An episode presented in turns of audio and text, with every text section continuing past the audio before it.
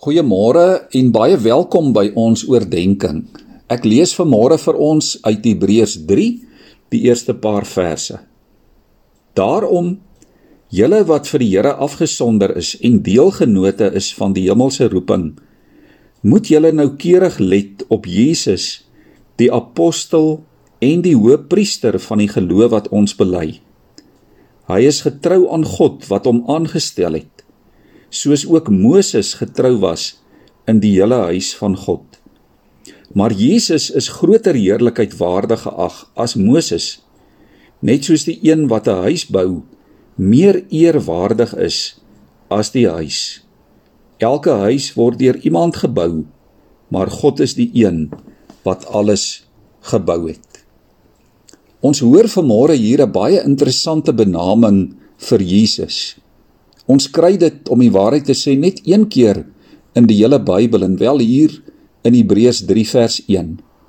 Naamlik die benaming van apostel. Die Hebreërs skrywer roep die verdwaaste Christene daar in Klein-Asië en vir jou en vir my vanmôre op as hy sê: "Julle moet nou keurig let op Jesus, die apostel van die geloof wat julle bely."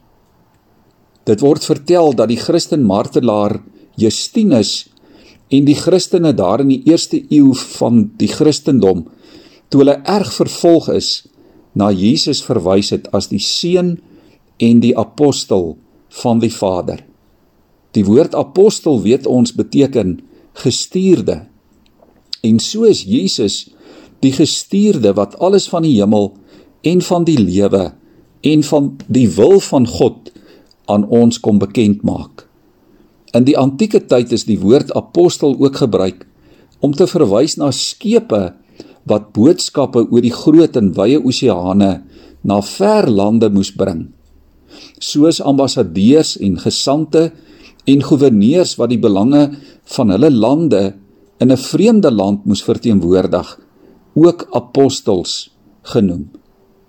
En so liewe vriende, hoor ons vanmôre dat Jesus die gesant, die ambassadeur van God is, die groot gestuurde, die verteenwoordiger uit die hemel, die uitnemende apostel wat God se belange hier op aarde kom verteenwoordig.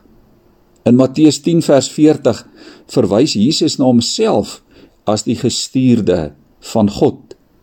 In die gelykenis van die boere in Matteus 21 word hy die seun die erfgenaam of die gestuurde genoem. En veral die Johannes Evangelie verwys na Jesus as die gestuurde, die een wat uit die hemel gestuur is ter wille van hierdie aarde en ter wille van jou en van my verlossing. Deur die eeue het God homself op verskillende maniere in hierdie wêreld kom wys en met mense gepraat. In die paradys praat hy deur die sagte suising van die wind.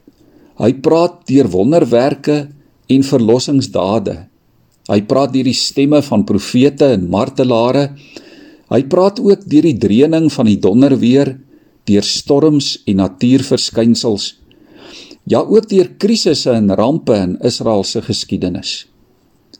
Maar al God se boodskappe word saamgevat in Christus in die groot apostel. Hy oortref al die ander. Hulle was stemme van God, maar hy is die omvattende, die volmaakte, die finale stem. Jy en ek hoef maar net te weet en te vertel wat hy kom sê en kom doen het.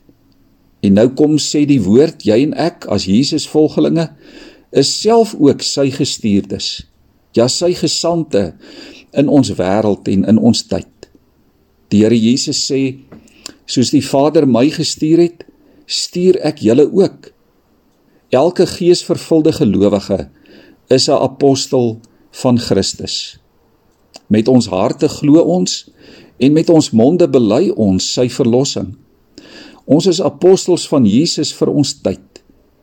En die Hebreërs skrywer roep ons op as hy sê: "Bly gefokus en hou julle oë op Jesus, die apostel en die hoëpriester van die geloof wat jy bely.